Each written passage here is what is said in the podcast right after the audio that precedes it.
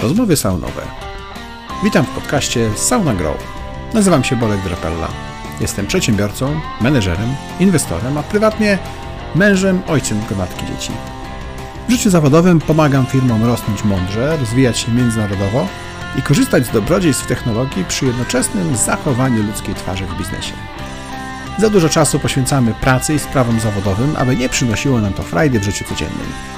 Podcast Sauna Grow jest o tym, jak łączyć przyjemne z pożytecznym, jak dzielić się z innymi wiedzą i jak umieć odpocząć od tego wszystkiego. Zapraszam do sauny. Porozmawiajmy o biznesie i nie tylko.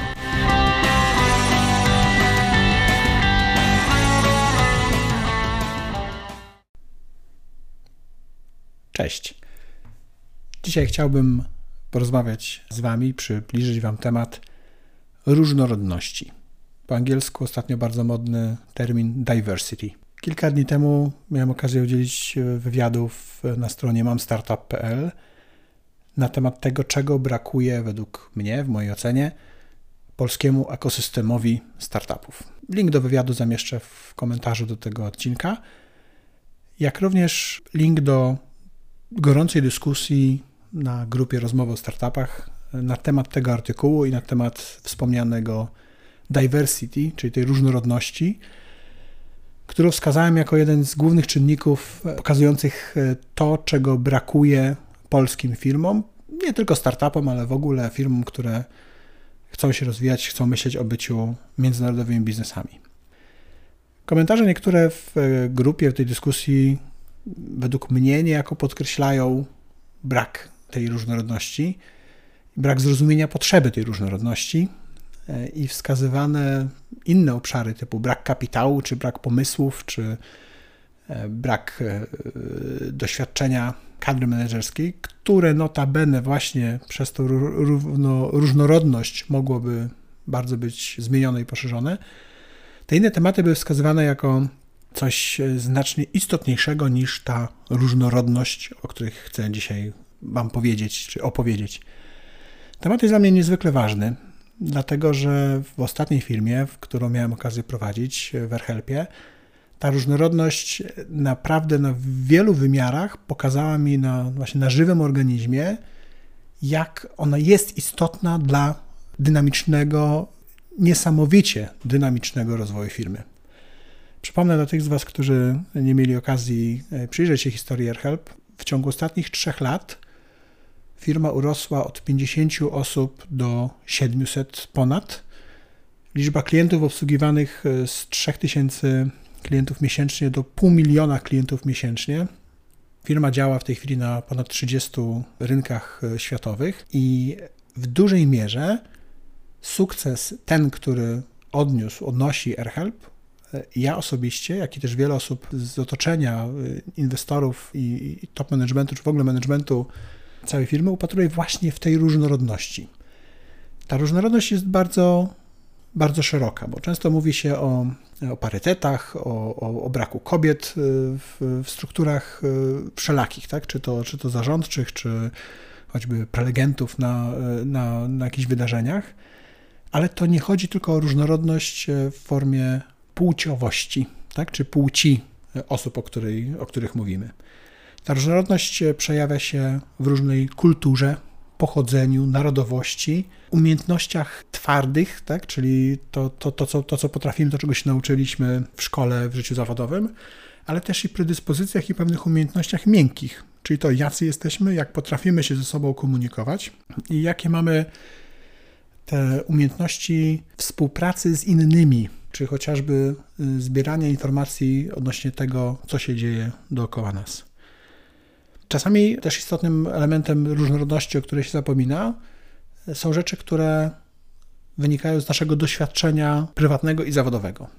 Jeśli w zespole mamy osoby, chociażby patrzmy na majętność, takie, które z pokolenia na pokolenia żyją e, raczej ubogo, do jakichś sukcesów musiał, musiały te osoby dochodzić same, znają e, trud i drogę e, dojścia z bardzo niewielkich zasobów do, do istotnych, albo cały czas są raczej jeszcze na początku tej drogi, a z drugiej strony mamy osoby, które z pokolenia na pokolenie dziedziczyły tylko wielkie fortuny zegarki te same, Filip Pateki, Omegi, pola golfowe, to jest, to, jest, to jest ich podwórko. Takie osoby mają zupełnie inny, inny horyzont, inne spojrzenie na świat.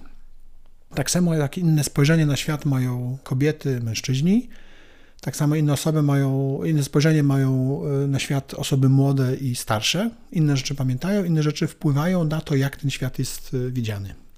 Oczywiście e, z różnymi elementami tej różnorodności najczęściej mówi się o tej płci i właśnie narodowości czy pochodzeniu kulturowym. Z tym się wiążą też stereotypy. Dla przykładu stereotypy związane z narodowością, czyli dla przykładu Niemcy, którzy są zawsze na czas, zawsze mają porządek, idealnie wszystko są, są, są zorganizowani zawsze. I e, kraje śródziemnomorskie, Hiszpanii Włosi, którzy wszystko robią jutro, powoli, spokojnie, Grecy podobnie, tak? A przy okazji są bardzo towarzyscy i nastawieni na relacje z innymi ludźmi.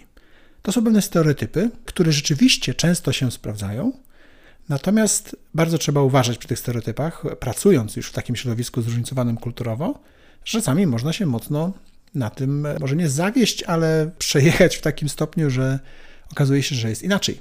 Że Włoch może cenić punktualność, a Niemiec może się okazać, że, że ma inne, inne predyspozycje i woli e, bardziej budować relacje z innymi ludźmi, niż e, wszystko musi się zacząć punktualnie co do sekundy. Natomiast po co w ogóle nam jest ta, ta różnorodność? I to jest kluczowa informacja, kluczowa sprawa, z którą chciałem Was zostawić e, pod koniec tego podcastu. Różnorodność, to diversity, poszerza nam horyzonty. Każdy jeden element, tak, czy to płeć, narodowość, pochodzenie, kultura, wiek, e, umiejętności twarde, miękkie, poszerza grupę docelową, jaka e, rozumie zespół i jaką ten zespół rozumie. Przekładając to na kwestie biznesowe, jeśli mamy tworzyć produkt globalny, produkt na szeroką skalę, produkt, który będzie docierał do wielu ludzi, wielu klientów, będzie się rozwijał jako razem z firmą, to jak najlepiej musimy rozumieć grupę docelową i różne, coraz to większe grupy docelowe w zależności od tego, jaki, jaki mamy produkt. Dla przykładu to jest rzecz, którą często mówi Marcin Kowalik z, z Black Pearls VC, że trzech białych Polaków z pięciu pokoleń rzymskich katolików, programistów, choćby w Ruby on Rails, nie jest w stanie tak zrozumieć grupy docelowej, która jest znacznie szersza niż te zawężenia wynikające e, z, z cech e, trzech programistów. Dlatego tak ważne jest zróżnicowanie w każdym zespole founderskim, zespole założycielskim firm. Jeśli ten zespół myśli o międzynarodowej ekspansji, o, o oczywiście rozwoju firmy międzynarodowym, to nie powinien składać się tylko z Polaków. Nie powinien się składać tylko z osób, które mówią tylko po polsku. Tak? Oczywiście dodanie takich różnic kulturowych, językowych, często jeszcze lokalizacyjnych, tak? bo fizycznie te osoby, będąc blisko innych kultur, krajów, e, często są fizycznie w tych krajach, w tych kulturach. To nie jest rzecz łatwa. E, jak z kolei mój ojciec często mawia, nikt nie mówił, że będzie lekko i słowo dotrzymał. Rzeczywiście jest to wysiłek, żeby zespół mógł być różnorodny, żeby zespół poznawał różne krańce, różne możliwości, różne, różne właśnie te szersze horyzonty grup docelowych, kulturowych i tak dalej, to jest wysiłek. To nie przychodzi łatwo. Ale też nie robi się biznesu, aby było łatwo, tylko aby rozwiązać e, czyjś problem. I ten problem na tyle duży, aby wartość usługi postrzegana przez klienta przewyższała cenę za rozwiązanie tego problemu. To jest, e, to jest taka powszechna prawda odnośnie ceny sprzedaży. Tak? Klient, jeśli nie musi, to kupi daną usługę czy produkt tylko wtedy, kiedy będzie wartość postrzegana przez tego klienta będzie wyższa niż cena. I między innymi po to robimy e, biznes, żeby jak najlepiej zrozumieć tą wartość dla tego klienta, dla innego klienta, dla szerszej grupy, dla tej grupy, którą, którą w tej chwili nie jesteśmy, ale chcemy ją zrozumieć. I Gdyby prowadzenie biznesu, rozwijanie firmy było proste, to przestało być wyzwaniem. Tak oczywiście jest z wieloma rzeczami. Tak samo jest z tą różnorodnością.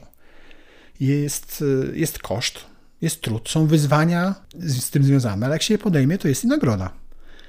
Nagroda w postaci znacznie szerszych horyzontów, rozwoju ponad to, do czego bylibyśmy zdolni sami. Jako osoby, czy jako osoby, które może łatwiej się dogadują, tak? bo jesteśmy tymi e, wspomnianymi tutaj trzema programistami, więc my się dogadamy zero-jedynkowo, natychmiast się do, do, dogadamy w, w kodzie dwójkowym. Ale mimo, że jest trudniej, to właśnie odkrywanie tego nowego i rozumienie znacznie większej grupy ludzi, bliższe rozumienie, czy to będą pracownicy, klienci czy partnerzy, to jest coś, w co zdecydowanie warto inwestować. I oczywiście łatwo jest o tym mówić, e, trudniej jest to, trudno jest to wykonać. E, też bardzo ładny i trafny komentarz pod artykułem, e, o którym wspomniałem. Tam występowałem w roli venture partnera funduszu Black Pearls VC. Był taki mniej więcej treści, że super, super Bolek, fajna sprawa, że, że, rzeczywiście to, to diversity jest takie istotne, ale jak to u Was jest w funduszu? Tak? Czyli w zespole funduszu rzeczywiście, jak się okazuje, jest pięciu białych facetów, Polaków. Więc z jednej strony mówię o tej różnorodności, a z drugiej strony nawet w naszym, w naszym zespole e, nie jest to tak, e, tak rozwinięte, jakbyśmy chcieli.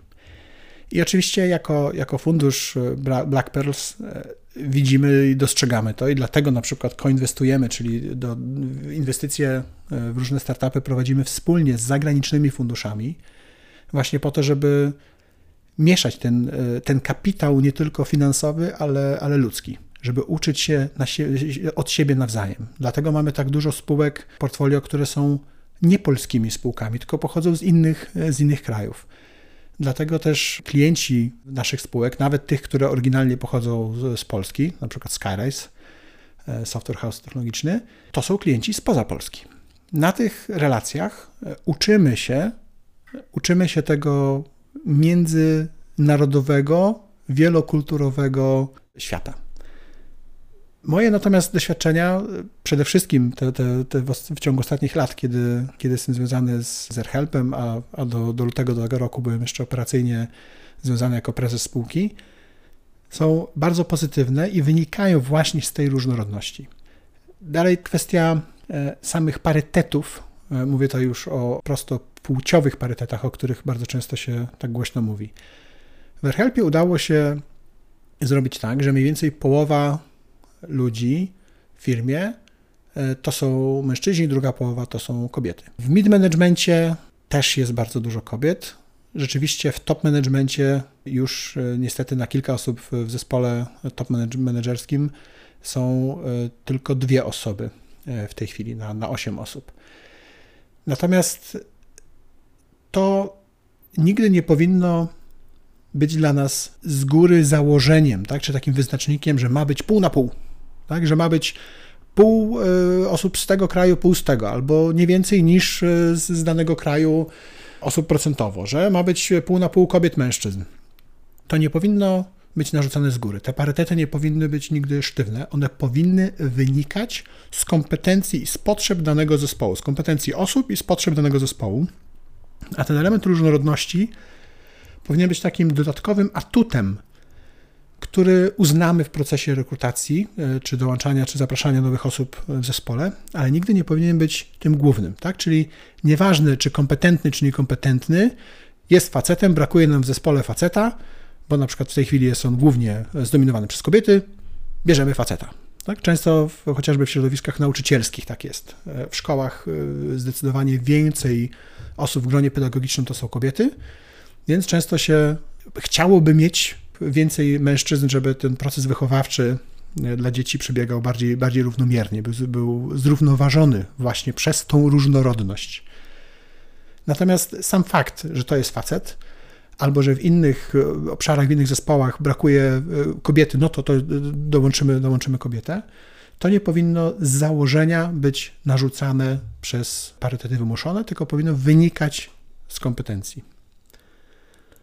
I to jest niesamowicie ważne, bo inne, inne e, narzucanie sztywne parytetów, e, chociażby przez, przez ruchy feministyczne, może być, może prowadzić jakby do negatywnych skutków tych parytetów, bo jeśli się wymusi obecność 50 na 50 obu płci, to się może okazać, że, że ktoś dostał się na dane stanowisko tylko dlatego, że był danej płci. Gdzie płeć to nie jest kompetencja, płeć to jest cecha, która rzeczywiście pozwoli nam lepiej zrozumieć tą szerszą, szerszą grupę docelową, ale samo w sobie mówiąc bardzo delikatnie, nie jest wystarczające. I oczywiście bardzo bym chciał, żeby było więcej osób międzynarodowych o różnych, różnych kulturach i narodowościach w polskich firmach w zarządach. Tak samo, żeby było więcej kobiet w tych zarządach. Tak samo, żeby e, w nagrodach, które są przyznawane tak, przez różne grona, na przykład e, miałem przyjemność w zeszłym roku dostać, czy w tym roku, za zeszły rok, dostać e, nagrodę Top Managera Roku według Business Center Club i Dziennika Bałtyckiego. I jak przeglądaliśmy historię laureatów, od 17 lat ta nagroda jest, jest przyznawana, to tylko raz na te 17 lat nagrodę otrzymała kobieta. I oczywiście dobrze by było, żeby w kolejnych edycjach kapituła tego, tego konkursu, która składa się między innymi z osób, które wygrały tę nagrodę w latach poprzednich, była w stanie uznać e, również e, tutaj istotny wkład kobiet w zarządzanie firmami, bo tych, tych przykładów jest sporo.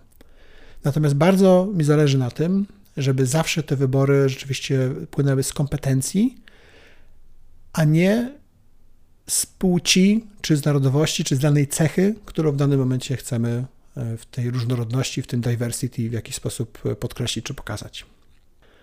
Podsumowując, jest bardzo wiele obszarów różnorodności.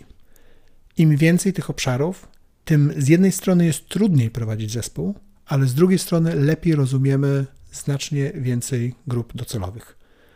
Po to ma być ta różno, różnorodność w, w zespołach, w firmach, żeby wzbogacać te zespoły, wzbogacać te firmy.